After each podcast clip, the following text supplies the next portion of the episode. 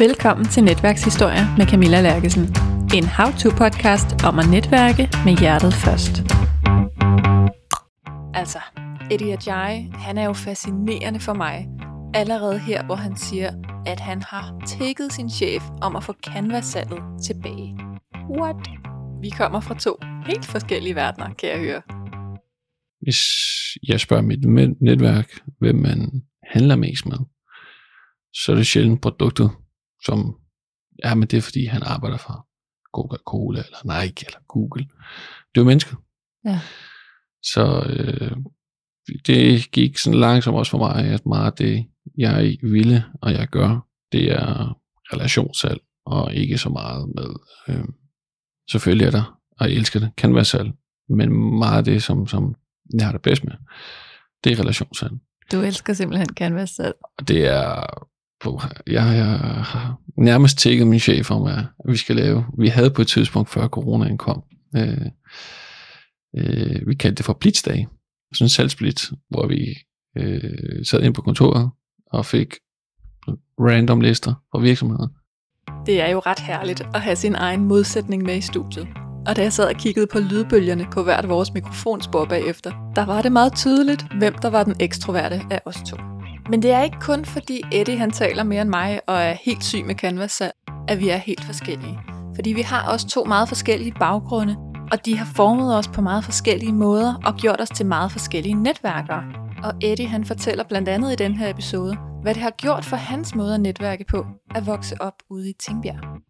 Du kan lige præsentere dig selv. Ja, ganske det kan kort. jeg starte med. Det kan jeg starte med. Jeg, jeg er Eddie, og jeg er far til to skønne børn og en øh, vidunderlig kone, som øh, om nogen har været med til at øh, gøre mig til, ja, øh, til den, jeg er her i dag. Øh, jeg er som person meget udfordrende, øh, og der har jeg fundet den, kan man sige, den perfekte balance i, i forhold til min kone, som er helt på jorden, som jeg virkelig skal øh, overbevise, når vi skal lave et eller andet. Det skal gerne være, kan vi sige, ikke det vilde. Det er okay at have det sjovt, hvor jeg kommer ind med mine øh, skøre meget, meget, øh, altså i hvert fald tit og ofte, hvor det er noget, som kommer lige fra øh, højre side, så gør vi det her. Det er øh, den første indskydelse, men så gør vi det.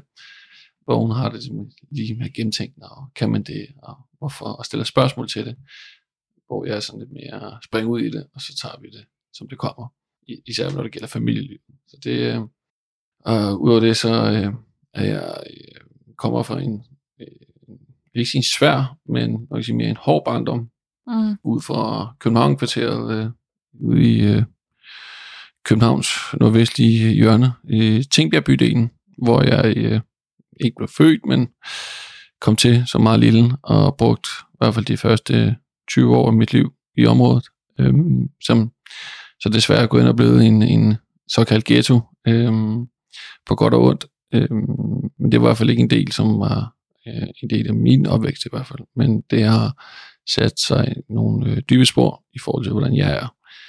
Øhm, og det handler meget om familiemennesket, øh, nogle fælles værdier, øh, hjælp i nød, øh, og det gælder både kan man sige, på et personligt plan, familiemæssigt, men især også øh, til den, jeg er blevet i forhold til øh, som person ude i erhvervslivet. Øh, elsker solstrålehistorien, altså den, de små øh, kampe med de, mod de store, øhm, men også at se personer, som virkelig, og det, det oplever man øh, tit og ofte, som virkelig var nede at ligge på den ene eller anden fasong, så har jeg en tendens til nok at være en af de første, som kontakter vedkommende. Og det er ikke via en mail eller en sms, jeg plejer, eller har gjort ofte i hvert fald, at ringe til dem, for at høre, hvordan man har det. Og det er ikke måske lige dagen efter, man hører eller ser en virksomhed gået konkurs på Ekstrabladet, eller licitation, eller de forskellige, men noget tid efter. Og det har givet mig øh, noget af det bedste netværk, for at snakke om netværk, øh, som, som jeg har til dags øh, dato oplevet. Det er med mennesker, som man virkelig har været der for, udover det så vanlige, udover den titel eller den øh, virksomhed, som man repræsenterer. Øh, det bliver det, synes jeg, tit ofte, at det går ind og bliver produktet, man præsenterer, og ikke mennesket. Øh, hvis jeg spørger mit netværk, hvem man handler mest med, så er det sjældent produktet, som, ja, men det er fordi, han arbejder for Coca-Cola, eller Nike, eller Google. Det er jo mennesker. Ja. Så øh, det gik sådan langsomt også for mig, at meget det, jeg ville, og jeg gør, det er relationssalg, og ikke så meget med, øh, selvfølgelig er der, og jeg elsker det, kan være salg, men meget af det, som, som jeg har det bedst med, det er relationssalg. Du elsker simpelthen canvas salg. Det er, jeg, jeg har nærmest tækket min chef om, at vi skal lave, vi havde på et tidspunkt, før coronaen kom, øh, øh, vi kaldte det for blitzdag, sådan en salgsblitz, hvor vi øh, sad ind på kontoret og fik random lister fra virksomheder. Nu sidder jeg og præsenterer, kan man sige, øh, øh, i mobilitetsbranchen i form af leasing og leje af biler og varevogne. Mm, og det er også begrænset, hvem man kan ringe til. Det er nok ikke, øh, i hvert fald øh, tit ofte har ramt helt forkert for at ringe til nogen. Men især, øh, det er primært, eller det er faktisk udelukkende virksomheder. Så det er B2B salg. Men øh, det havde vi før corona. Og øh, jeg begyndte at samle det her for lidt tid siden. Så jeg var hen og sige til min øh, chef, om øh, vi skulle indføre det igen. Hvor øh, de første to mine kollegaer sådan lige kiggede hen over skærmen og er du sikker på det? Ja, selvfølgelig. Det, er, det giver mig øh, som person vildt meget. Ej, du må, du må forklare mig det. Ja, men øh, det er, jeg synes, et, det er udfordring. Det er det, som kan man sige, tænder mig virkelig. Siger, pff, der er øh, en knist. Men nummer to, det er, det jeg skulle tale med en vildt fremmed menneske, som jeg aldrig har mødt, eller måske aldrig vil møde. Og øh, det er sjældent, jo, jeg præsenterer, altså ringer og siger, hvor jeg er fra, men så kommer det, jeg har sådan de første 10-15 sekunder, det er jo ligesom, når man, jeg kigger ned af Gallup-undersøgelser, eller det nye elselskab, eller forsikringsselskab, eller hvad det nu kan være, hvor øh, man kan høre, det er så indøvet. Hej, du taler med. Eller hej, du taler med. Øh, Rikke, Lars, Ali osv. fra det her selskab. Jeg ringer til dig, fordi, okay, allerede der som, som den sælger det nu er, øh, og altså, jeg har ikke lyst til at tale videre, for du ringer, der er en oversæt, du ringer til mig. Men hvis det er sådan lidt mere random, altså lidt mere tilfældigt, så har jeg fundet ud af, at folk er sådan lidt mere lyttende. Især hvis jeg i dem til, altså, det er ikke altid, jeg lykkes, men hvis jeg lykkes med, at de svarer mine første to-tre spørgsmål. Og det, jeg har ikke manuskript. Aldrig. Det har jeg prøvet for, jeg tror det er næsten 20 år siden efterhånden, ah, 18, 17-18 år siden, hvor jeg så har solgt øh, blækpatroner og blyanter og alt muligt. Og der sad jeg og ringede fra klokken 17 til 20. Og jeg var den der, og jeg er stadig København med slået K. Det skal gerne gå stærkt, og puh her fart over feltet. Og alle de ringelis, jeg fik, det var folk fra Tisted og Frederikshavn, og det var noget af kulturchok for mig. Det var sådan, hvad fanden ville du ind og ringe til os her klokken 18 om aftenen? Hold da, jeg fik nærmest skilt ud. Men øh, det, øh, det var en, kan man sige, det var det første, jeg lærte omkring øh, Canvas. Og det blev ved. Men så, for at komme tilbage til det, så havde vi nu de her salg. Øh, det gav så fed en stemning ind på kontoret. Og det var ikke de her store, og så måske har et, nogen har et billede af, hvor der bliver ført de store pointtavler, og det er med DJ og så videre det var mere den der, kom lidt ud af den der mm, normale hverdag, øh, ringe til en masse folk, som man aldrig har talt, og så, om, så man sige, jamen, øh, har man ikke et mål, man skal nå hvis antal. Øh, vi havde selvfølgelig sat os, okay, jeg skal lave 10 salg i dag, men det ene salg kunne lige så godt være bedre end 20 salg, og det er, hvordan man, jeg vil sige, prissætter det, værdisætter det. Er det selve den økonomiske gevinst ved at lave salget, eller den der udvikling som person, hvor man siger, at man har trådt ud af en barriere. Og der mødte jeg også kollegaer, som, som virkelig havde det svært. Jeg kan huske i hvert fald den første dag, hvor vi gjorde det, der havde en kollega noget at ringe til to på fem timer. Jeg har brugt næsten en halvanden time på at undersøge virksomheden, med at ringe til, hvad deres behov var, hvor de stod henne i forhold til, om det var positivt, det var negativt. Hvis det var et aktieselskab, jamen gik aktierne op, og gik aktierne ned. Jeg tror, de første 10 minutter, der ringte de første 8. For de første er sådan, om det har jeg virkelig ikke tid til. Bum, lag på, videre, næste. Det, altså, det slog mig i hvert fald ikke ud, at nogen ikke vil tale med mig.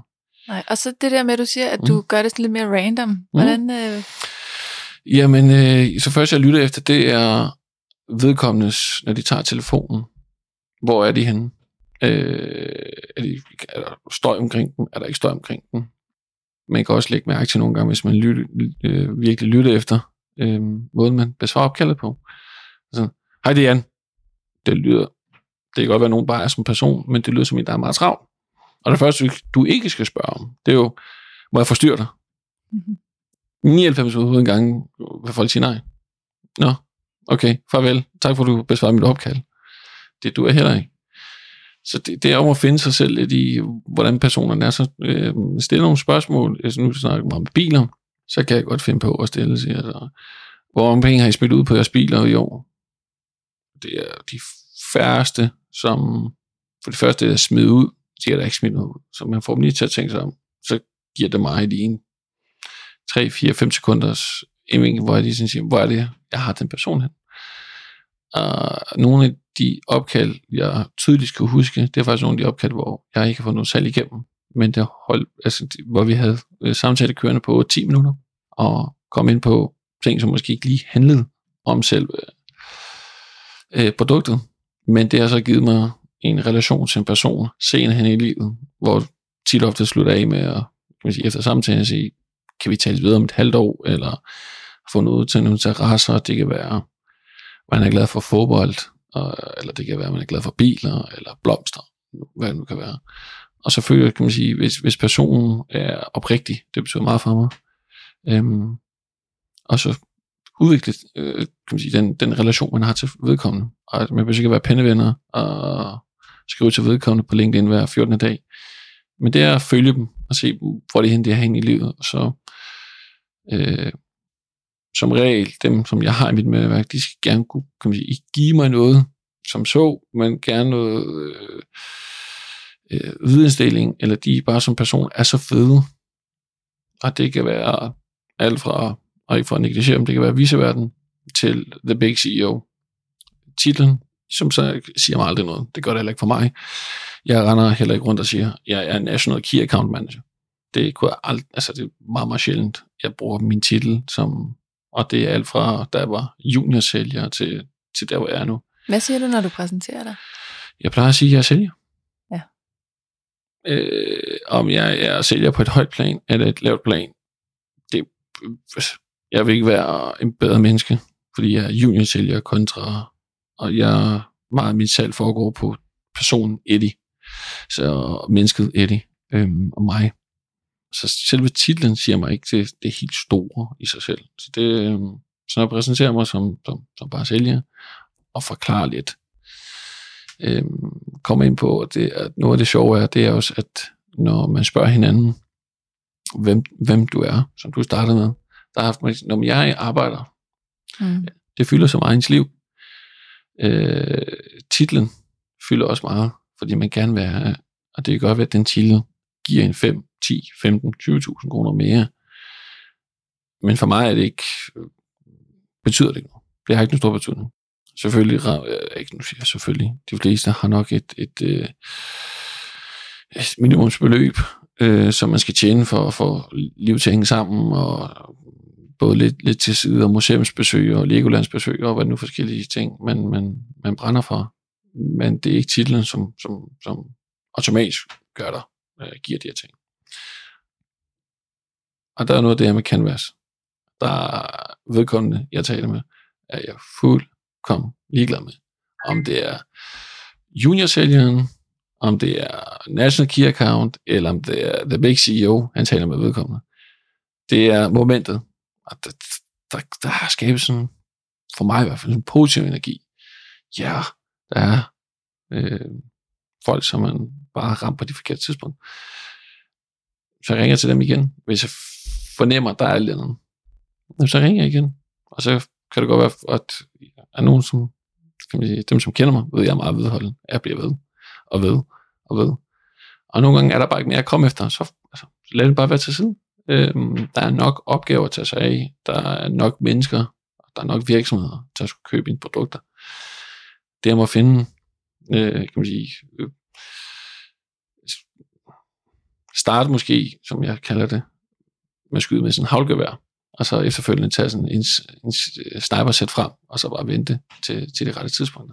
Ja. Så en blanding af de her to ting, fordi at noget af det værste, jeg oplevede, det er, for nu snakker om de her to med havlgevær og sniper, at der er øh, personer, som bruger en sniper, som er på meget præcisionsskud, øh, øh, skud, for at sige det, men bruger det som en holdgevær, og bruger det konstant. Og hvis man bruger det konstant, øh, og ikke fordi jeg har en stor militær erfaring, men hvem nu har set, øh, der skal sigtes, man skal tage højde, fordi som regel er det for lang afstand. Hvis man bruger dem som, som havlgevær, som bruges tæt på, jamen, så skyder man forbi sit mål i langt de fleste tilfælde. Ja. Øh, og opbygger måske også en form for frustration. Er man god nok? Og så begynder man at stille spørgsmål ved andre ting. Så vi have de rigtige værktøjer, fornemmer jeg i hvert fald, så kan, så kan man komme i hvert fald et øh, par skridt længere frem. Ja. Det er allerede nu, der er jeg jo øh, helt med på, hvorfor Jakob sagde, at jeg skulle have dig med.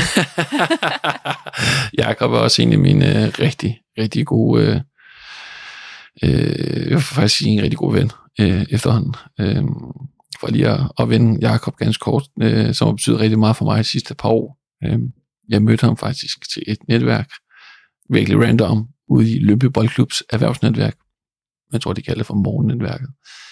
Øh, beklager Rikke, hvis jeg ikke lige sagde det rigtigt. øh, og øh, hun, øh, eller han, øh, Jakob, han øh, var til stede den dag og præsenterede det her LinkedIn Insider. Og jeg må ærligt indrømme, de første, at der er sådan, læs lige op og tænker, hold nu kæft, altså, skal jeg virkelig sidde og lytte til en anden, der skal for eksempel LinkedIn. Jeg er der champ, jeg er der styr på det. Fordi er der noget, som jeg kører meget på, det er selvværd og selvtillid. Øhm, og det, det har jeg måske en stor passion af. Nogle vil minde for meget, men det er nu er bare den, jeg er. Og øh, vi faldt i øh, snak, og øh, connected på LinkedIn. Og så skete der ikke rigtig noget de første var sådan halvt år, hvor jeg, sådan, jeg likede og kommenterede. Og så, øh, så kom Jacob ind, så var han inviteret en af vores salgsdirektør øh, på der var en tidspunkt, for at komme ind og for at lære os lidt om LinkedIn. Og der stod han jo igen. Det var ham, Jakob Belton. Øh, og der var han, kan man sige, nu, det var, Jakob er altid en meget forberedt person, men så øh, var det sådan lidt mere specifikt til os i virksomheden. Og så faldt vi bare i snak. Og det var sådan, øh, nu har jeg det som om, jeg har kendt Jakob i, ved ikke, 20 år måske. På trods af, at vi kendte han kun i øh, ja, et par år efter. Så det, øh, vi kommer rigtig godt ud af det. Øh, og forstår hinanden. Kan man, sige, man har det bare med nogle mennesker, man forstår hinanden på et højere plan. Mm. Det der med ligesom at skulle afslutte en sætning og sådan ting. Så det, øh, og når vi har nogle brainstorms i gang mellem, jamen der kommer de vildeste ting ud øh, af os, vores to øh, samtaler. Så man skal næsten være fluen på væggen, for, for det er rimelig underholdende. Det kan jeg øh, forestille. Det er også lidt samme energi at have i studiet. Ja, altså, det, det er, er lidt virkelig, det samme at sidde over for, øh, for dig, som det er at sidde over for Jacob. Virkelig. Så det er, det er skønt, og jeg, jeg er så glad for at have en type som ham, øh, både som type, øh, men især som menneske. Øh, og ikke at, at snakke kun om Jakob, men vi, øh, jeg har det i hvert fald øh, gør nogle ting, så det er hele tiden, øh, der sker konstant noget. Og det er både, når du går op og går ned. Øh, jeg har det meget med at tale helt ærligt omkring det, øh, hvor jeg står henne. Og øh, nogen, er det nogen igen, snakker nogen, men jeg oplevede, at nogen føler, at jeg er sådan for hudløs ærlig, og sådan, åh, men øh, kan man sige, jeg har måske en holdning eller en antagelse til det. Så, det er den bare, altså jeg hviler mig selv, jeg har det helt fint med det, øh, og det er ikke fordi, jeg har lige fortalt dig øh, øh, min pinkode til mit øh, bankkort. Øh, den information, jeg har givet dig, det er den, stats, den situation, jeg står i nu. Det er jo ikke en vedvarende. Øh, det kan være bare dag i dag. Det kan være, hvordan jeg har det i den her periode. Men det kan også bare være den situation, som er menneskeskabt. Det kan være corona. Det kan være så mange ting, vi har haft hjemme, hvor jeg giver mig selv som den, jeg er. Øhm, og ikke den, som nogen vil måske forestille sig er. Øh, og leve op til nogens forventninger osv. Jamen, hvis vi ikke er afstemt i forventninger, så rammer vi to aldrig hinanden. Eller meget den virksomhed, eller meget den person. Mm. Så det er sådan konstant. Og det overlever sådan lidt også med, med Jacob, den hudløse ærlighed. Og det er bare fedt at have nogen i hendes netværk, som, som, øh, som bare giver mig det samme, som jeg giver dem, men uden jeg forlanger det. Og det er samme for ham, han forlanger heller ikke af mig. Og det, øh, for at snakke netværk generelt, det er nok også den øh, sådan type, som øh, i netværk er. Jeg synes, jeg giver utrolig meget, øh, og jeg forlanger faktisk intet igen. Nu fortalte jeg, hvad jeg lavede, øh, arbejder med legebiler, så kan det nogle gange blive lidt trættende, når det er de samme personer, som ringer til mig den første uge af februar, for at høre, hvordan jeg har det. Fordi tilfældigvis, så skal de, skal de øh, til øh, Grækenland, eller ikke Grækenland, undskyld, skal til Østrig og stå på ski. Og sjovt nok, fordi jeg arbejder med legebiler, så er man nok også ude efter, og man ikke lige kan få 10 eller 15 procent i rabat. Og der måske jeg lige indrømme, at jeg har sådan langsomt øh, begynder at, øh, at skubbe, skubbe dem væk, hvis man kan sige det. Men jeg øh, begynder at arbejde lidt med sådan et dynamisk og statisk netværk. Øh, det statiske, det er sådan den her situation, jeg lige har beskrevet, hvor det er de samme mennesker, som konstant ringer om det samme ting. Men det er jo ikke, det er jo ikke mig, man er interesseret i. Det er det produkt, eller den virksomhed, jeg præsenterer, for de får en personlig givning. Det med sådan langsomt at skubbe lidt væk i baggrunden arbejder meget mere med dynamiske. Og jeg siger dynamiske, og det er ikke fordi, at jeg i dag taler om med Camilla. Men det kan godt være, at mig og Camilla først snakker ikke om tre år, men vi har en relation til hinanden. Mm. Øh, og det Camilla bidrager til den udvikling, jeg er i, øh, den viden, Camilla har, eller hvad, altså det, du bringer til bordet, jamen, den er ikke afsluttet nu og her. Den kan være den første, jeg kender til om 5 eller 10 eller 7 år, men jeg ved, hvad Camilla står for inden for de her ting, som, som personer, som menneske. Og det vil jeg gerne have en relation til. Det behøver ikke kun, konstant være nu og her. Og så er der andre, man taler med konstant. De er mere over den her statiske, fordi det er det samme igen og igen. Det handler om, om selve produktet, men repræsenterer i sit erhvervsliv, og ikke som menneske. Og der er nogle gange, der er begyndt langsomt øh, at trække en streg. Så besvarer måske lige, lige opkaldet, eller så må jeg skal indrømme og sige, at jeg har ikke den mulighed længere øh, for den ene eller anden. Fordi de 200 kroner, du kunne spare, giver dig måske rigtig, rigtig meget på den økonomiske.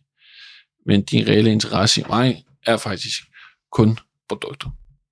Den, øh, den er jeg ikke så vild med længere, øh, fordi jeg har udviklet mig som, som person, hvor jeg hviler endnu mere i mig selv, øh, og kan tage de ting, som øh, kan man sige, have muligheden for at kunne skabe mit eget netværk i de her to, som sagt, det statiske og det, det, det, det, det dynamiske. Hvordan vil du hellere have, de var, de her mennesker, der ringer hvert år? Øh, hvis det er det eneste, de kan bruge mig til, hvad jeg sige, det er at skulle spare 300-400 kroner på en lejebil, jamen øh, så kunne de lige så godt altså, melde sig ind i en øh, foreningsklub, eller FDM, eller hvad nu kan være, som måske også får de der 10 eller 15 procent. Øh, jeg forventer ikke, at de skulle kontakte mig på andre måder, men øh, jeg er også en stor øh, indvirkning fra Jakob, Øh, stor forbruger af LinkedIn, og bruger mange af døgnets timer på LinkedIn. Men så begynder jeg så langsomt at lægge mærke til, om der er nogen, der, de personer måske har kommenteret, eller liket, eller, altså det, det er kun dem, og giver ikke noget. Så man, hvis man som person kun vil have, og ikke give noget, så ved jeg ikke, om man lige skal gennemtænke, hvad netværk og relation faktisk er. I hvert fald, hvad det betyder for mig.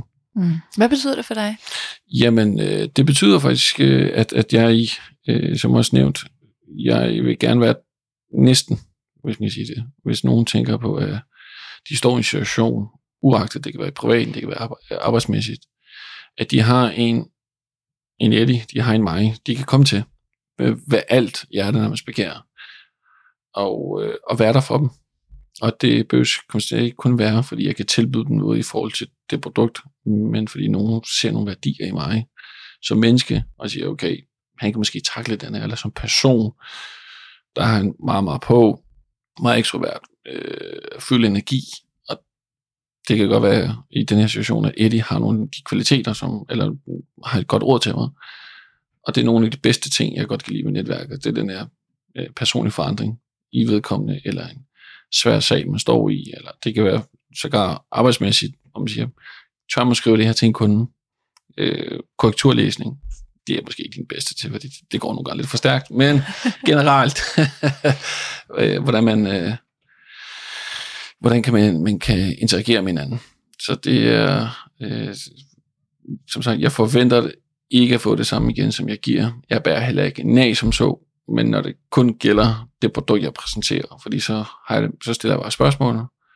Vil vedkommende mig, hvis jeg skifter fra den her branche, og så gå ind og arbejder, uden at negligere det, men øh, arbejder for den danske folkekirke, og skal sidde og lave noget projektarbejde, eller hvad nu kan være. Er det så interessant for dem? Og jeg synes jo egentlig ikke. Så den eneste, kan man sige, deres intention, det er at få noget af mig, som de måske ikke lige kender andre, der gør. Og der, øh, det bryder mig ikke sådan rigtig meget om, for at være helt ærlig. Nej, det kan jeg sådan set godt forstå. Fordi at, øh, sådan er jeg i hvert fald ikke som person. Øhm, hvis man ser på, hvem jeg er connected med, jamen det er jo folk fra alle mulige forskellige øh, befolkningslag, forskellige steder i landet, forskellige steder i verden.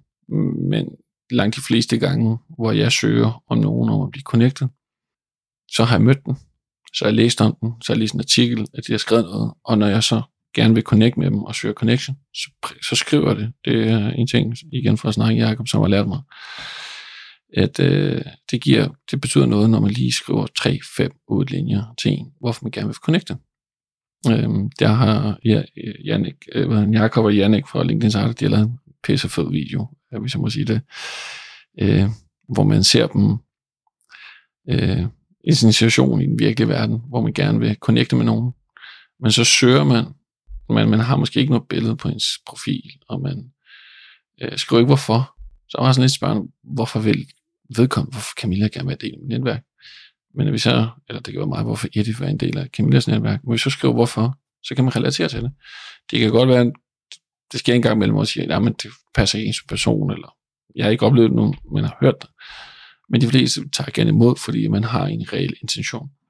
Og noget, som jeg synes både er frægt, men også er pisse fedt, den, når nogen søger connection med mig, og skriver, at de, det er måske ikke helt må, men de vil gerne søge connection med mig, kvæg den stilling, jeg besidder, for de Highlander skulle sælge.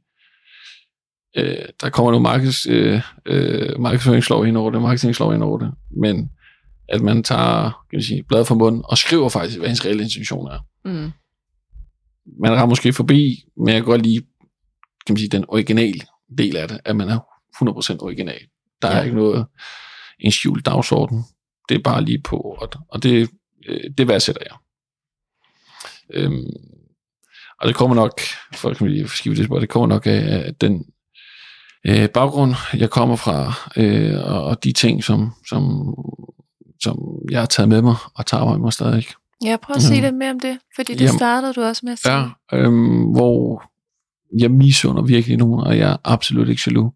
Jeg synes, det er fedt, at nogen øh, bliver født, øh, bliver opvokset i nogle miljøer, hvor det er rigtig, man skal passe på, hvad man siger. Det er ikke, at det kommer lidt til dem, men de har nogle andre muligheder. Mm. Og fedt for dem. Øh, men nogle gange kan man sige, bliver det måske også lidt låst fast i de miljøer, de kommer ind i. Øh, for mig personligt øh, bliver det lidt hult, når det kun øh, siger, nu sidder med sælger fra kan man sige, bilbranchen, hvis man kan kalde det. Hvis 50 af dem, jeg omgås mest med, er kun er bilsælgere, øh, for så det er sådan lille, vores lille indlukkede verden, som, som vi arbejder med. Men, øh, og mange af de input, jeg vil få, vil være fra den samme kerne, konstant. Men vil jeg få det fra, fra den, den fysisk hårdt arbejdende visevært til øh, øh virksomhedslederen, som træffer beslutninger, jamen det, det gør bare, at, at det, det øh, sætter lidt kant på det hele. Men kvæg den baggrund, ud fra den her bydel, øh, som jeg nævnte ud fra Tingbjerg, jamen, øh, to hårdt arbejdende forældre, som kom til fra eks som også flygte, øh, havde ikke nogen, jeg vil næsten sige, havde intet den værk, men kendte ikke andre end familien, og øh, de få naboer, og så gamle Berit, som var vores gamle ære hans minde, var vores øh, nabo gennem mange, mange år, øh, som lærte os, i hvert fald også vores familie, meget om det at være dansk. Øh, og det har vi senere haft, haft nogle meget, meget sjove diskussioner, eller diskussioner, i hvert fald samtaler med min far om, det må være dansk, øh, ud fra de antagelser, som, øh, som øh, B kom med. Men øh, opvokset i den her bydel, hvor tingene var lidt, det, lidt for råt, en gang imellem lidt for hårdt, øh, hvor det galt om at kan sige, kæmpe sin sag. Øh, man fik vidderligt intet foræret. Øh, det var alles kamp mod alle. Men det er sådan en alles kamp mod alle, men i fællesskabet. Der var en eller anden fællesskabsfølelse. Øh, det gav mig nogle, nogle værdisæt, som jeg har bygget videre på. At øh, man er ikke bedre end sin indsats. Øh, det der med at have under sig selv, øh, det har jeg, det tror jeg vel, alle mennesker har på et eller andet tidspunkt. Øh, man kan pakke det ind og gøre det så fint at sige, jamen, det er selverkendelse, det er perspektivering, det er så mange forskellige ting. Men endelig inden vil jeg bare kalde det for at have lidt under sig selv. Øhm, men hvis vi ikke gør noget ved det, så min far brugte altid en, en, en anekdote, hvor han siger, jamen hvis du sidder fast nede i en brønd, hvis du ikke selv gør noget for det, siger han, så kan du råbe helt, lige så meget du har lyst til, siger han. Der er ikke nogen, der kommer og hjælper dig indtil du selv forsøger og, skal man sige, at, at komme op på brønden. Og så kan man sidde og, og komme med forskellige løsninger til det, men selv kan man sige, øh, budskabet i det er, jamen det, det, det, det er fair nok at have sig selv, men hvis man ikke gør noget ved det, så er der ikke rigtig andre, øh, der kan gøre det for dig. Øh, og det gav mig i hvert fald øh, uh, give mig nogle, nogle ting, hvor med ikke at give op, øh, for at relatere det med til canvas-salg, jamen bare blive ved. Øh, det skal nok lykkes. Øh, hvornår? Jamen, altså, øh, selvfølgelig have en plan for det, men konstant bare øh, kæmpe for det. Øh, fordi øh, livet er ikke altid en, en for skal man sige, noget, nogen har det lidt nemmere end andre, men det er jo en given situation. Ja, selvfølgelig er der filantropper og, og forskellige multimilliardærer, som, som har nogle ting, øh, materialistiske ting, som kommer til dem øh, meget nemt. Men øh, er det lykkeligt? Er det det endgame? Øh, og så er der nogle mål for, at man skal nå hvis antal millioner, som man skal tjene, eller købe et stort nok hus. Øh, for mig er det selve rejsen dertil, øh, for, for at ramme de ting, man efterspørger, end selve endgame. Fordi at øh, den der siger, at jeg har lagt en plan, og så fandt jeg ud af, at det ikke virker, så ændrede jeg om på det, og så gjorde jeg de forskellige ting. Hvor, hvor, er, det, hvor er man på vej hen? For lige pludselig som 50, 60, 70 og 80. Altså, der er, altså vi har allerede, alle sammen har en udløbsdato. Øhm, hvis det mål bliver sat for langt hen i ens liv, så frygter jeg, i hvert fald det er sådan en frygt, jeg har. Jeg vil ikke være bedre over mm. ting, jeg ikke, øh, så for, jeg, jeg har nogle gange med at handle lidt for impulsivt på de her ting, for, for at skabe de her ændringer. Og må jeg så erkende, men det er ikke gang i hvert fald, okay, det skulle jeg ikke lige have gjort, så, så lader vi om igen. Så det, øhm, det, det har været en, øh, øh, det har været en rigtig god ting, og, og hvad jeg, sige, jeg har fået tillært en masse værdier fra den her opvækst, øh, hvor, hvor man skulle kæmpe for tingene, gøre tingene. Fordi at hvis jeg ikke har haft den, så tror jeg, at den virkelige verden har sat mig lidt mere, fordi jeg ikke havde den, måske et netværk som så, at øh, falde tilbage på. Jeg havde mine venner, men de stod også i samme situation, som jeg stod i. De skulle også ud i den store hvide verden øh, og finde ud af, hvad skulle der ske? Nogle ville læse, andre skulle øh, påtage sig en uddannelse og arbejde, øh, besøge verden osv. Men kan man sige, det er nok meget mere naturligt, når man rammer de 18-19 år, at jamen, så kommer lidt væk fra hinanden. Der er måske en eller to, man taler med, men kan man sige, de her 15-20 personer, man havde i sin klasse eller omgangskreds, de er ligesom lidt væk. Og så øh, tror jeg bare, at min mentalitet, for kvad den barndom havde, jamen det er fandme. Jeg har selvfølgelig lært folk komme ind, øh, også meget tæt ind i livet på mig. Desværre er der også rigtig mange, som er forsvundet igen øh, af en ene eller anden årsag, øh, hvor nogle gange har det været mig selv, som har taget fejl af en given situation, eller sagt noget, jeg ikke skulle have sagt, osv. Mm, men jeg har lært at, øh, også, at, at det med at sige undskyld, det er et virkelig betydningsfuldt og kraftfuldt øh, ting at gøre. Øh, jeg har selv oplevet hvor jeg selv har trådt for siden af, øh, og gjort noget, som jeg måske ikke burde have gjort, eller har øh, fuldstændig øh, øh læst en situation fuldstændig forkert, øh, fordi jeg selv har haft nogle holdninger, antagelser omkring ting. Øh, og såret en person, mange af de personer, som jeg faktisk har, rent faktisk har virkelig undskyld overfor, jamen, øh, de har så også, kan man sige, givet mig en tilgivelse, som jeg kan sige, man har sagt, fint nok, jeg er glad for, at du gjorde det, og så kom videre. For jeg kan godt mærke, eller hørt tale med mennesker, som, som bærer en form for nag over en situation, som vedkommende faktisk slet ikke er klar over. Og nogle af kollegaer, nogle af, det kan være familiemæssige, øh, det kan være bror, søster, bror, bror, mor og far, altså hvor man hører de her ting, jamen det er noget, der skete for 10 eller 12 år siden, men det, det, det ligger så, øh, så, så, så dybt ind i os, at den situation har påvirket os. Og der øh, igen, for at komme tilbage til, til, til mange af de anekdoter, som jeg har fået fra min far, men det er okay at fejle, siger du skal bare være bevidst omkring det, og så være, ikke for det skal være øh, kønsopdelt, men er også en mand nok til at indrømme det, at man har gået en fejl. Øhm, fordi at hvis du enten har gjort bevidst, eller har gjort ubevidst, det betyder ikke så meget. Men bare det, du har gjort en anden menneske ondt, jamen det er nok til, at man øh, også burde være stor nok til at indrømme, at man har gjort det. Så ja. øh, det giver, kan man, det lyder måske lidt forkert, men giver mig en kick, øh, når jeg i Øh, siger til personen, fordi man, man ved ikke rigtig, hvordan vedkommende vil tage det. Nogle siger, det, det er lige meget, jeg er slet ikke sur på dig. Andre, jamen, øh, øh nærmest får et grammer og siger tak. At man har indset den her situation, man viser sådan en form for med, øh, medfølelse, parti. Så det, øh, det er rimelig interessant at stå nogle af de her situationer, hvor man øh, måske ikke lige helt er, hvad sådan noget, øh, forvent med situationen. Hvad skal man gøre? Øh, jeg kan godt lide nu at være i de her situationer, også kvæg det her med canvas selv, hvor man står, øh, man, ved, man ved ikke rigtigt, what's next? Øh, og det, det, øh, det giver mig sådan en rar følelse indvendigt. Øh, det er jo lidt, lidt eller at skulle prøve en helt ny forlystelse. Man ved ikke rigtigt, man har set det, man ved ikke rigtigt, hvad der kommer til at ske. Og enten kan man lide det, og tænke, det skal jeg prøve igen, eller så sige, puha, den, den, den springer lige over næste gang. Ikke? Så det ja. er sådan en situation, man, øh, man kommer ind. Hvordan var netværket der mm. i Tænkberg? Fordi du siger både, at I var et fællesskab, men samtidig også, at man, altså, det var også lidt hver mand for sig selv. Men det var det, fordi at, at øh, en ting, man, man, man ikke gjorde, øh, altså, det var at stikke hinanden i ryggen måde. Og det, det skal ikke lyde kriminelt på nogen øh, fasong. Øh, men det, man, man, man var der. Man snakkede ikke rundt om hinanden. Man havde hinandens ryg, uagtet øh, hvilken situation man stod i. Altså man holdt sammen. Øh, og alle, alle havde deres egen agenda. Men når det kan man sige, ligesom virkelig galt, øh, og man stod i en pressituation, så var man der. Øh, jeg kan huske, øh, at der er nogen, som havde fået, øh, øh, fået stjålet hele deres lejlighed, altså råb og stå alt værdi.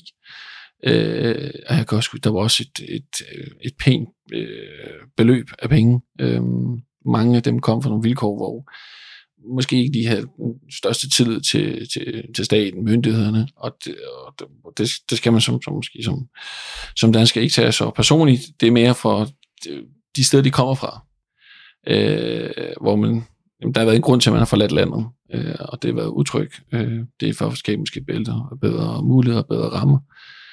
Men øh, der gik man altså sammen. Det var sådan rimelig hurtigt, og øh, faktisk donerede det var ikke et spørgsmål at få noget igen. Man var bare ind og tog man næsten bare over den familie, og det var både med inventar, det var pengebeløb, det var aktiviteter for børnene, og det, det, sådan, det gik, det var naturligt, men det gik virkelig så stærkt. Øh, og jeg kan huske, at min far fortalte mig, at vi måtte på et tidspunkt, øh, jeg mener det var, vi skulle ud på en, en seks ugers ferie øh, til, hjem til min forældres hjemland, øh, men sagde, at vi, vi kom kun afsted 14 dage den her gang. Og jeg var sådan, hvad, hvorfor? Og øh, virkelig set frem til det her nærmest et år. Og så fortalte man, hvad årsagen var, siger så men han har gjort, øh, gået ind her og har faktisk doneret et større pengebeløb til den familie. Og jeg kunne ikke forstå det. Men så nævnt, øh, jeg vil ikke nævne vedkommendes øh, navn øh, her i, i mikrofonen, men jeg kan huske øh, min ven der, sagde, du skal afsted. Han har intet. Hvordan vil du have det, siger han så, når vi tager afsted, og du sidder og får alt foræret, og det var for der var meget, og han, han, han har intet til, han skal sidde seks uger i en lejlighed og se på sine to søskende, som er meget ked af det, og så to forældre. Og det var sådan virkelig en øjenåbner for mig. Det var sådan virkelig første gang, hvor jeg sagde, okay, det, det er fællesskabsfølelse. Og jeg tror faktisk, det gik først op for mange år senere, end lige moment, jeg forstod den nok situationen i der, men først mange år siden, jeg hold nu kæft, man. Men jeg ser det også, kan man sige, med forskellige, øh, den her øh, konflikt har været i Ukraine, øh, uagtet hvilken side man står øh, ved, øh, og øh, bias mod den ene eller anden part osv. osv. Men det er stadig kan man sige, lidt upersonligt. Man hjælper, man giver ting. Øh, det har jeg selv også gjort på, på, på, på flere fronter, for at søge at hjælpe. Men man gør det via forskellige kanaler. Øh, nogle har så taget turen, og respekt for det, øh, med øh, madvarer og din og datten, for, for at hjælpe de her. Men når det er en, man kan man sige, nabo, mm. det er ikke øh, en konflikt langt væk fra os, hvor vi, det, det, det, det er naboen, eller en tæt på, som, som bare mister det hele. Øh, jeg synes i hvert fald, de, de mine far og de andre, mange af de andre fædre, øh, skal man sige, fra, fra, fra den verden, hvor kan man sige, de beslutninger måske lidt mere mandsdominerede, det var uden at blinke, uden at se spørgsmålstegn ved det, det gør man bare. Og hvordan har det påvirket dig i forhold til at netværke? Det er nok det med, at jeg bare giver og giver og forventer ikke at få igen. Øhm, det er det er nok noget mest som linje, hvis man kan kalde det de her situationer. Det er jo det der, man, man, man, man giver til dem, man er en del af.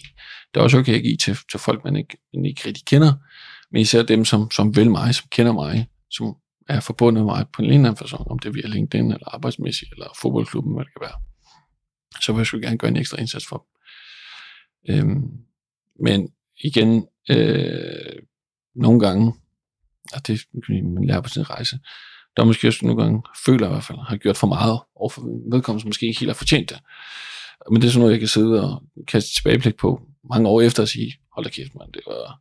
For så møder en person, man har ikke lige set dem, eller så ser man noget på LinkedIn, eller set den til en noget netværk eller en konference, hvor jeg kan være, siger, med dem, nå, hej, det er Tobias, eller Mohammed, eller hvad det nu forskellige I kan hedde, og siger, hold da kæft, man, det, han fik fandme meget. Og en, en lille sjov, ja, sjov, sjov historie, det er, at øh, nogen har sådan lidt med, at jamen, man netværker, men det er en erhvervsliv, hvor jeg har sådan lidt, jamen, sådan er jeg, som jeg er lige nu, det her øjeblik, sådan er jeg også derhjemme. Jeg er ikke en anderledes far, anderledes ægtemand og en anderledes type på arbejdet. Jeg er den, jeg er øh, hele tiden. Og der kan jeg huske, at jeg har siddet med en i netværket og haft nogle meget, meget interessante samtaler. Og så går jeg og møder vi hinanden, eller møder og møder. Jeg ser ham på lang afstand, for han har nogle, øh, nogle karaktertræk, som var til at lægge mærke til. Og så begynder vi sådan langsomt at bevæge os hen mod hinanden, og han er med familien, jeg er med familien jeg får øjenkontakt, og i det, jeg skal til jeg, jeg når hvis lige at sige hej, så sætter han ligesom farten op og går forbi mig. Og så, faktisk, så begynder jeg faktisk, nå, har han set mig? Der, der er måske ikke, altså, jeg lægger ikke så meget i det. Jeg skal mødes med ham igen om her på tirsdag. Det var i weekenden. Og det, nu er det første, der ser mig tirsdag, siger, her for resten, siger, ja, men det, det er fordi, jeg vil ikke blande mit øh, familieliv og arbejdsliv sammen. Og den øh, nu, dagen i dag, kan jeg godt relatere til det. Jeg er ikke enig, men jeg kan godt relatere til det og sige, okay, det er en, der deler det op.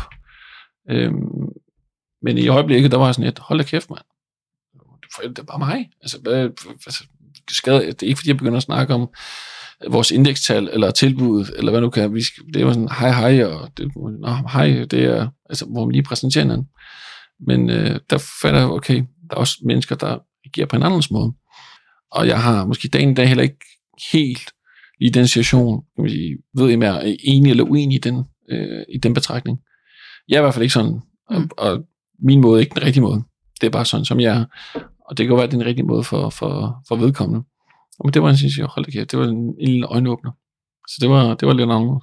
Så det har været, øh, jeg vil sige, at det, øh, det er et rigtig godt tidspunkt, jeg er kommet ind på her, vil jeg sige. Øh, de sidste øh, 6-7 uger, der har jeg i, for første gang i mit voksenliv været en, sådan en, en kæmpe rusjetur øh, med store opture, men også nogle vanvittige nedture, som, øh, hvis man kan kalde det for det, det er både ups and downs.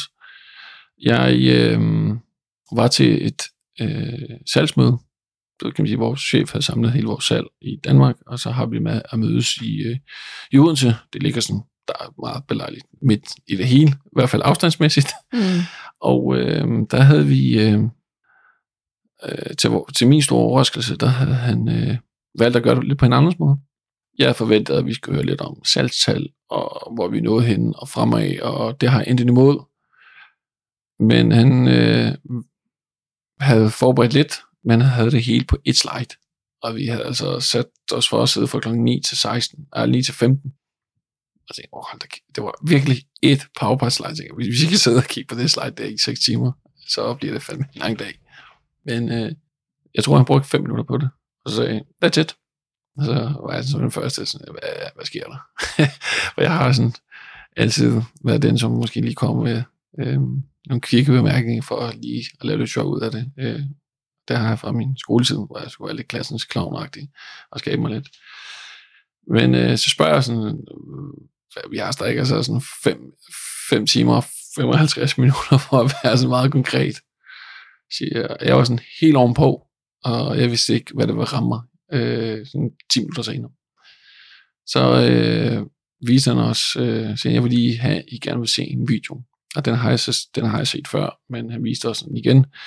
Øh, Master Shi her, som taler om sin øh, vej op ad, op ad bjerget, The Five Hindrances. Øh, den havde jeg set, så den havde ikke nogen påvirkning af mig. Men så viste han, øh, han sad i slide med og noget, der hedder hjernen på overarbejde, hvor øh, han snakkede om nogle tre forskellige øh, farver, bokse. Øh, den ene var blå, den anden var grøn, og den anden var rød. Øh, den blå var simpelthen det der drive, der er i os. Øh, og det grønne, det var, kan man sige, øh, de, skal man sige, de resultater, man skaber. Og det røde var det menneskelige plan. Og så mens vi begynder at tale, og så, og det, vi, har, vi har så lige talt lidt ud om det, og der var egentlig det der, men så siger han, det er jo, hvordan man kommer igennem ting. Øh, jeg er en stolt far af hende, datter, som er autist. Øh, det var noget af et, øh, kan vi sige, noget af et øh, samtræf, øh, der jeg fandt, øh, fandt ud af det diagnosen, fordi jeg er som type den, som løber 200 km i timen, mm. og så over til et barn, som skal have øh, kan man sige, gentagelser, og ting skal tage tid, og tålmodighed. Så virkelig to verdener, der vi ikke clasher sammen der. Men så nævner han det her med, at, om man har tiden til at, øh, hvornår man får tiden til at, at, at virkelig være der for sit barn, og de her ting. Og tre minutter senere, der øh, tog jeg mig selv i, jeg vil sige stortid, men jeg var virkelig rørt, og det kan jeg godt mærke, når jeg taler om det nu. Virkelig. Og det var sådan, jeg vidste godt. Men det er anderledes, når jeg fik det serveret, altså mit baseballbat, for at sige det på den måde, bare lige i baghovedet, smask. Og jeg kunne simpelthen ikke hænge sammen den dag. Jeg var så øh, fysisk og psykisk ustabil hele den dag, og jeg havde det vildeste humør på vej derhen. Og der må jeg sige, det, øh, det fik mig virkelig til at tænke mange ting igennem. Og øh, mens jeg et par dage senere sad og scrollede på øh, browser, eller hvad man skal kalde det, på LinkedIn, så faldt jeg over en artikel, som en fra mit netværk øh, har skrevet på baggrund af en andens artikel. Jeg ved ikke, om du kender det her begreb, øh, men det hedder Insecure Overachiever. Right. Det er, for kan man sige, at, at sige det, jeg har skrevet lidt ned omkring det, fordi det er et meget, meget spændende øh, begreb, som det er noget nyt, jeg har lært, men det er, åh, det er noget af det, det vildeste, jeg øh, har, har læst om, og jeg skal om. Altså det er, det er et begreb, som slår væk, øh, som det er en øh, anerkendt psykolog, som, som har kommet med det her begreb, men det er ligesom det der med, hvornår er nok nok. Øh, jeg nævnte også før, jeg har virkelig høj selvværd og høj selvtillid, men på, på, på baggrund af hvad?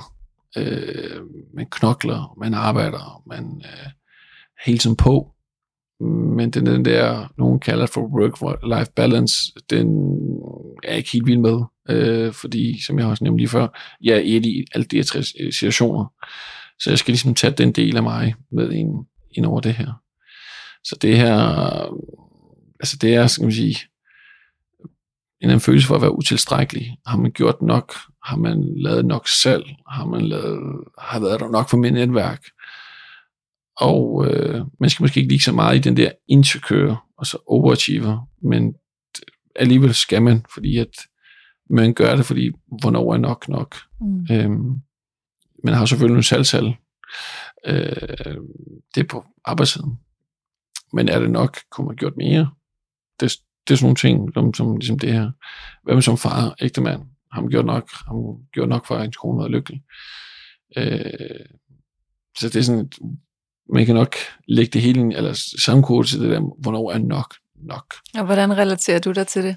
Og det er en, øh, jeg vil ikke sige en helt anden snak, men jeg har ja, endnu ikke helt, altså den, den har gjort og sat sit spor i dybt, og jeg ved ikke helt, hvor jeg kommer til at være. Jeg er stadig i den der øh, zone, hvis man kalder det for det her.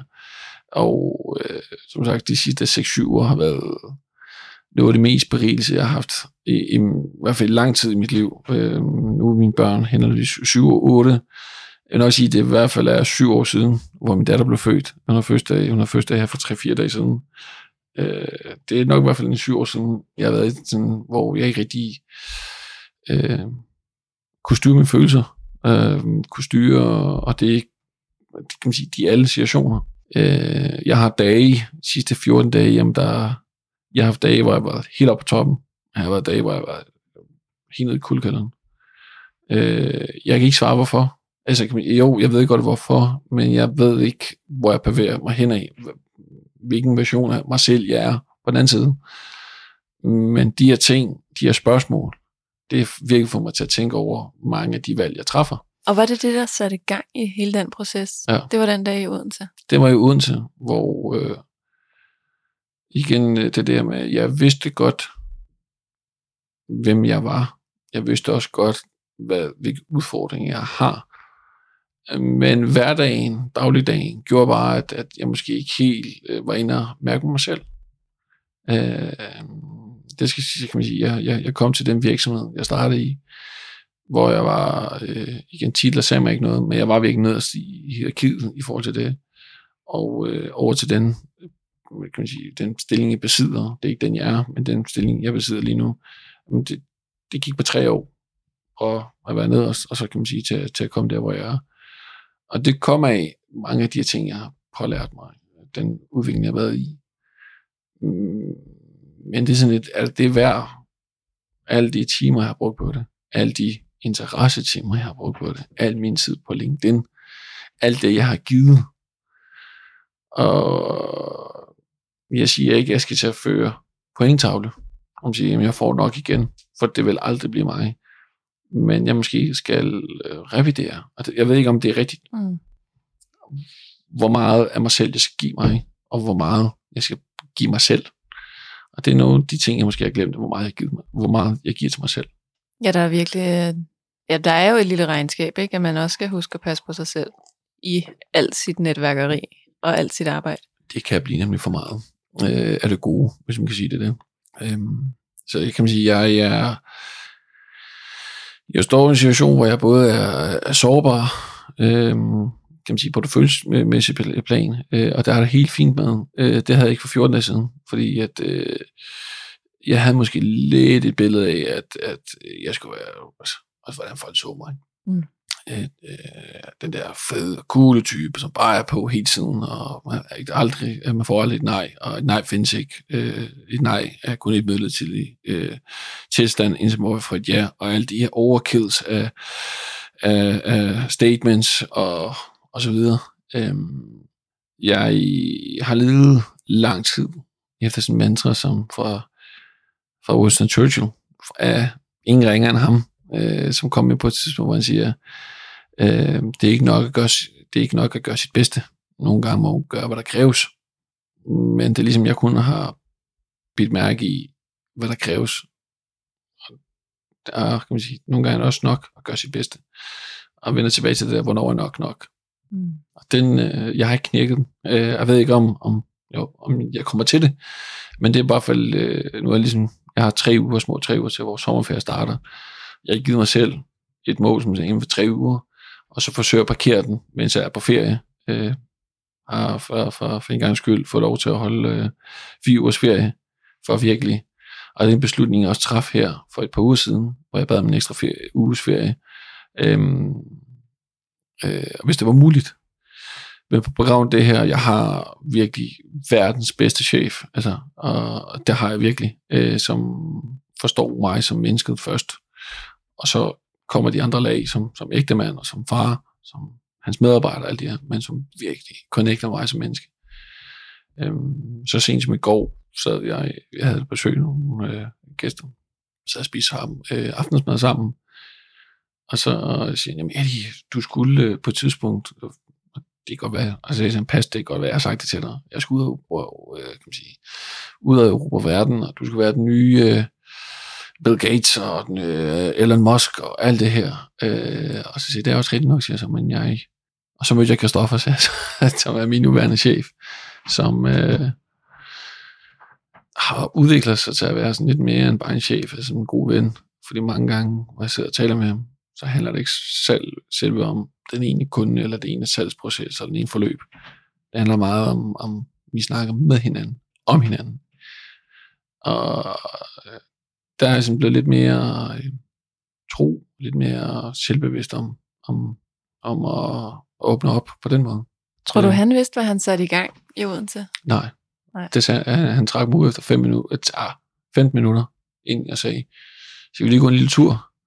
Og var sådan helt, jeg har slet ikke set dig sådan her. Øh, det, det, altså, jeg, jeg både smilede og havde tøj i øjnene, samtidig, fordi det var en eller anden form for glæde, det kom ud, øh, men jeg kan også jeg kunne ikke stoppe. Altså, jeg var sådan, jeg, jeg grinede, og en af mine kolleger var sådan, øh, altså, jeg, jeg søger ikke trøst. Jeg er ikke, jeg er ikke god til det. Øh, og der kom måske den der barndom, hvad han, mand der nu op, og ikke vise følelser, og, og de her ting her. Og der, øh, der kom min kollega hen for at tale til mig, og, sådan, og, og, og trøste mig, hvis man kan kalde det for det. Men øh, de var... Øh, øh, en af dem kom med en joke, og vi griner af den, men jeg kan tydeligt huske det ikke nu. Altså, jeg, jeg griner, men jeg kan ikke stoppe min tår. Altså, de, de kommer bare ned til en, en, øh, der var både sorg og noget glæde, og jeg kunne i hvert fald mærke, det er, jeg ramte nogle steder, øh, det er jo sådan nogle filer, jeg har lagt ind i mit C-drev, og gemt dem ind i 17 forskellige mapper, de blev gravet frem nu, og jeg vidste ikke rigtig, hvad jeg skulle stille op med dem. Øhm, og mens vi sidder øh, og kører det her seance, fortsætter vi, der øh, i, i mig selv, der tænker jeg, okay, jeg lægger en gameplan, hvordan jeg kommer videre fra det her. Øh, altså viser måske bare ligesom som person, jeg prøver kan man sige, at finde frem til en anden løsning, som jeg kan sætte to streger under. Men hurtigt fandt jeg ud af, at jeg kan jeg ikke. Jeg er ligesom lidt ude på en eller anden øh, ubevidst selvbevidsthed et eller andet sted, jeg ikke rigtig ved, hvor øh, ja, altså jeg det var en mærkelig situation at stå i. Øh, og jeg har som sagt stadig ikke dagen i dag fundet ud af det. Jeg tænkte på det bare herud. Øh, med nogle af de ting, øh, de valgte, det fylder øh, enormt meget.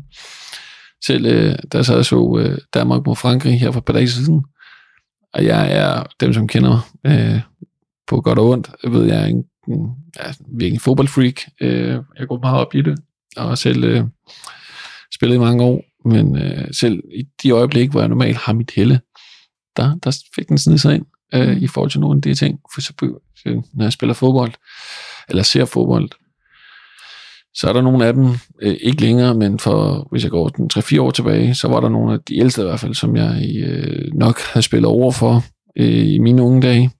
Øh, og så begyndte jeg at tænke, men, om kunne jeg selv måske, hvis jeg, jeg havde måske nok helt, helt ikke talent, som de havde, men hvis jeg arbejder hårdt nok for det, som jeg har gjort i mange andre tilfælde, har jeg haft succes med det.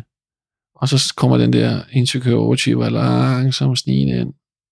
Og så var sådan, så den igen, så, var nok nok. Og så var sådan, jamen, hvilken, altså, så begynder jeg sådan langsomt op i mit hoved, og, og ja, jeg fik jo lyst som skizofren. Men, Nej, så overhovedet ikke. Men det er, det er konstant, jeg stiller spørgsmål til ting, som jeg ikke gjorde førhen, og ting, som, som kommer naturligt. Det stiller også spørgsmålstegn ved. Uh, det kan godt være, at jeg er i det er bare sådan en wake-up call for mig, i, i, i forhold til hvilken situation jeg er i. Men det kan godt være, at det ikke gør nogle synderlige ændringer, når jeg lige har holdt den her måned. Mm. Hvordan er det at sidde og dele her på åben mikrofon? Det har det helt fint med, fordi altså, jeg, jeg, jeg giver mig selv fuldt ud. Om det er i den situation, vi står i, os to lige nu her, hvor du inviterer mig ind, eller om jeg sidder og taler med øh, min nabo, i vores øh, lejlighedskompleks ude i Rødovre, eller for så, så bageren nogle lokale, eller når jeg sidder og taler med en af mine forretningspartnere. Jeg, øh, kan sige, jeg håber i hvert fald, men jeg, er altid, jeg vil gerne være en original en. Øh, jeg vil ikke øh, udgive mig for at være en anden, end jeg er. Ja. Og så må tidligere havde jeg sådan, enten må folk kunne lide mig, som jeg er, eller skal jeg lide. men så nemt er det ikke, og så sort-hvidt er det heller ikke. Nogle gange må man også gå på kompromis med nogle ting. Men jeg mestrer aldrig, den, kan man sige, den, den lille dreng ud fra bydelen, vi tænker, øh, den originale. Øh, for det er, det er nok i min underbevidsthed, som har båret mig frem alt i år, både de hårde og svære tider. Så det er en, en øh, sådan en udviklingsrejse, som jeg fortsætter på. Øh, jeg kan ikke lide stillstand, hvad hedder det, stille tilstand, hvad man kalder det. Ja, stillstand. Ja, stillstand hedder jeg. Øh, det har aldrig været mig. Øh, fordi at, og det er måske nogle af de ting, som jeg skal i hvert fald har talt med, med nogle mennesker, øh, for det, jeg ringer også til et par stykker fra mit netværk og sagde, guys, jeg, altså, jeg har været ude for en, noget sindssygt noget, altså det er sådan helt en ny Paris, øh, og øh, der fik jeg både forskellige, både fra højre til venstre, hvad det betyder. Mm. Både den ene og den anden. Øh, og kan man sige, jeg har taget de her indtryk til mig, øh, for at ligesom finde ud af, jamen måske, øh, ikke måske, øh, når man så har nået det mål, der har det har tendens til, så, så er noget, der så videre. Måske lige stoppe op og nyde det, og se, hvad det giver mig. Så jeg kommer nok til at agere lidt anderledes, ikke over for folk, men over for mig selv, i en vis situation, for at se, hvordan, hvad, hvad giver det mig, hvad gør det mig. Så det er en øh, meget sjov tid at være mig, synes jeg selv, i forhold til, hvad der for at gå ind i mit sædrev, øh, og den, øh, den øh, personlige rejse, jeg er på, øh, og med mit netværk, og ser, hvordan, hvad det betyder for mig, øh, min ageren for mit netværk, om der sker nogle ændringer eller ej. Men det må, det må tiden vise. Hvad tror du, der kommer til at ske, hvis du skulle give et bud? Ingen ved det jo. Nej, jeg, øh, jeg har svært ved at svare på det, Camilla. Jeg, øh, jeg tror nok, at det er... Mm, tror, at det kan måske en lidt mere en, en lidt mere selektiv udvælgelse af, af mit netværk. Øh, det var måske lidt på vej i forhold til det, hvor jeg sagde med dynamiske, som jeg startede på, og det statiske. Og det kan godt være, at jeg langsomt måske skærer det statiske væk, og siger, okay, at det bliver måske lidt mere lukket gruppe. Mm. Et det øjeblik. Og det er ikke, fordi der ikke er plads til andre. Der er altid plads til andre. Men det skal godt være nogen, som vil mig. Og det ikke kun skal være, fordi jeg præsenterer et produkt. Fordi i dag er er, er hos, kan man sige, for Skattering til et biludlejningsselskab, som, som også er et mobilitetsselskab, som gør mange ting og har mange forskellige produkter. Men jeg er, jeg er i dag hos Europcar. Jeg ved ikke, hvor jeg er henne. Om, jeg forhåbentlig er der stadig om lang tid, fordi det er et rigtig godt sted at være. Men det kan godt være om et år, at jeg vil noget andet. Og øh, jamen, så kan, kan, kan det være, at jeg skal arbejde for en, øh, en retail virksomhed og skal ud og sælge vin eller chips, eller hvad det nu kan være jamen så har jeg lige pludselig en masse mennesker, som kun har brugt mig, fordi jeg kunne give dem 20% på, på lejen, øh, når de skulle på skiferie nede i Frankrig eller Østrig. Hvad med dem? Det kan godt være, at de lige pludselig, og fedt, så kan vi få noget mere fra dem, eller gøre noget mere for dem, men I don't know. Det må være det uvisse, hvad der kommer til at ske, men jeg, øh, for en gang skyld, jeg gør meget mere ud af øh, selve rejsen dertil, end selve the endgame det synes jeg er god til, men jeg vil bruge endnu mere tid på det. Mm.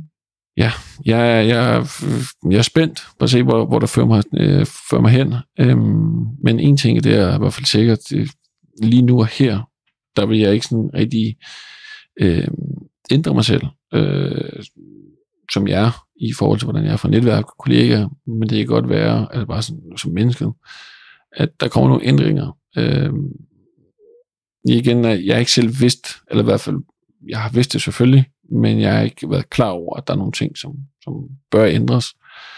Jeg har bare ikke sat de rigtige spørgsmålstegn, hvad det er, der skal gøres, for at jeg ikke føler den følelse igen, hvis jeg sidder og hører det samme igen om et år eller to, hvor jeg så igen, fordi at, jeg ved ikke, om jeg har været utilstrækkelig, eller om jeg ikke har gjort det godt nok. Igen, det der er godt nok, hvornår er nok nok. Øhm, hvad er det? Jeg ikke blevet hængt dus med, hvad, hvilke ting. Jeg sidder stadig og læser nogle ting, og, og, og, og, og prøver nogle ting af, både i privat, men også i jobbet. for at finde ud af, hvad, øh, hvad det er, der gjorde det. Altså, jeg har ikke fundet en sessions kerne endnu, og Mm. det er... Jeg spurgte mig selv for noget tid siden, så jeg sagt, at jeg skal finde frem til svaret, og det skal gerne være hurtigst muligt, så vi ligesom kan komme fremad. Ingen stillelse, og så stillestand. Og så, men nu, det, jeg har- det måske lidt fint med, at det er lidt sådan lidt uvis, for jeg ved, at jeg arbejder hen imod det. Øhm, tidspunktet,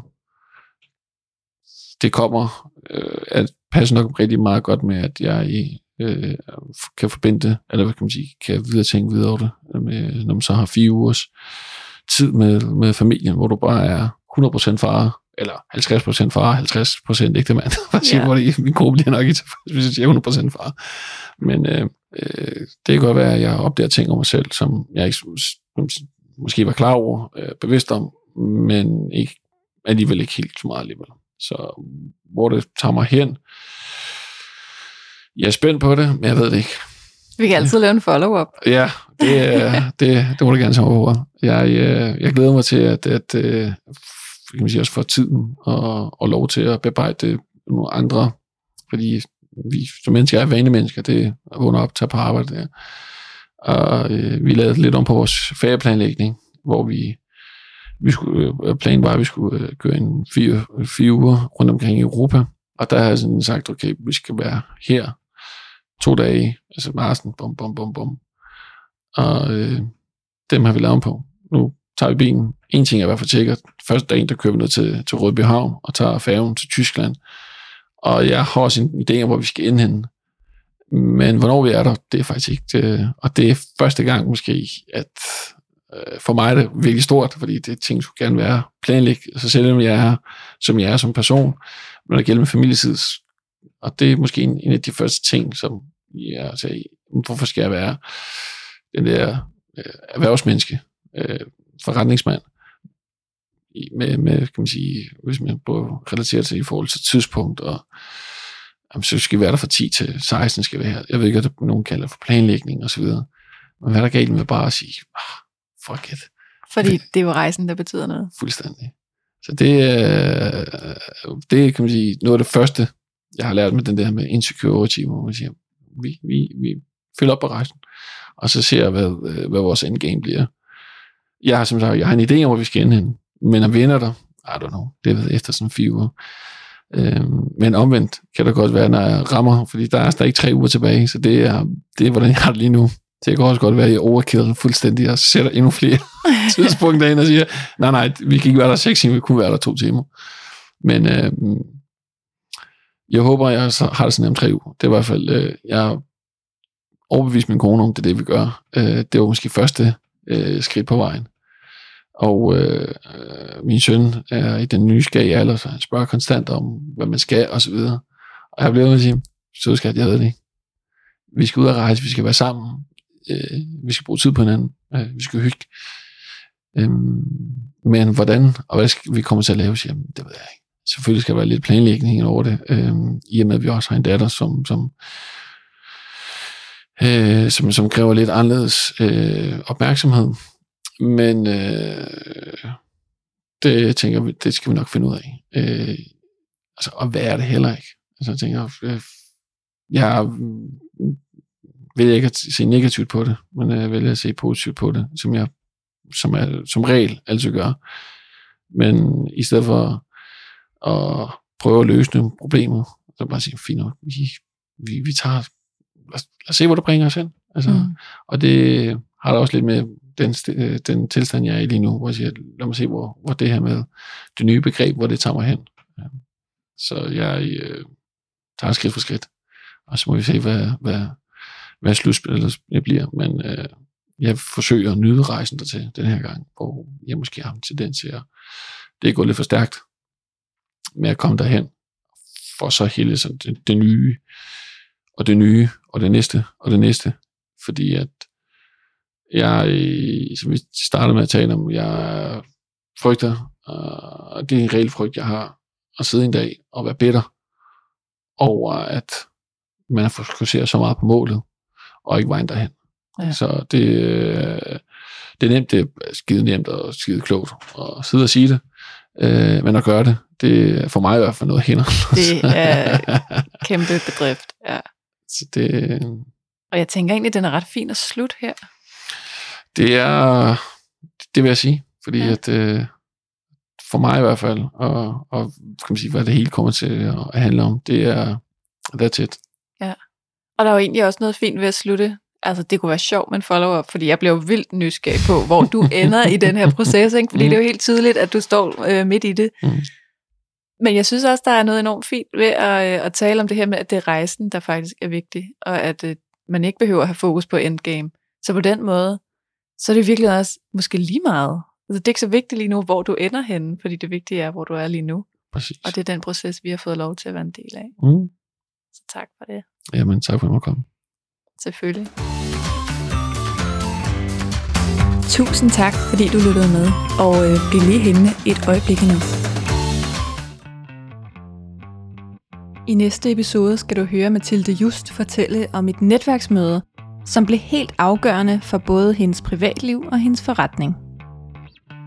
så øh, fortalte hun jo så, at hun var pårørende øh, til sin... Øh, hun har en plejesøn, som hun har haft altid, altså siden han var fem dage gammel, noget af den stil, Niklas, øh, som jo bare er hendes søn. Altså, der er ikke noget der. Og, øh, og så havde hendes ældste søn øh, på 33 lige haft en, en øh, hjerneblødning, en meget alvorlig hjerneblødning, øh, som, som næsten, altså det, det var tæt på, at han døde af det. Øhm, så der, det var første gang, hun egentlig så sig selv som pårørende, selvom hun egentlig havde været det i 20 år. Øh, og også tidligere med hendes far, og der var noget øh, sygdomsforløb der, eller sådan noget. Og det begyndte vi så at snakke om, og jeg sagde, jamen jeg har også pårørende, min, min fætter har cerebral parese, altså han er spastisk lammet, øhm, og han er som bror for mig, øh, det er den tætteste familie. Øhm, så, så vi havde jo rigtig mange ting til fælles, lige pludselig, som vi ikke anede, og som jo ikke stod nogen steder på LinkedIn. Øhm, og så snakkede vi, jeg tror, halvanden time eller sådan noget der, og så vi skrev til hinanden bagefter, jeg skrev sådan, at jeg kan slet ikke tænke mere i dag, jeg bliver nødt til bare at gå hjem og lægge mig, fordi jeg, altså, det, var, det var simpelthen så vildt. Det var så, det var bare sådan en, en nu ringer universet, og vi tog telefonen, ikke? Og, og det var bare, ja, det var magisk. Og du kan i det hele taget godt glæde dig til efteråret, fordi netværkshistorier er tilbage fra sommerferie, og jeg har en masse episoder liggende, som bare venter på at blive udgivet.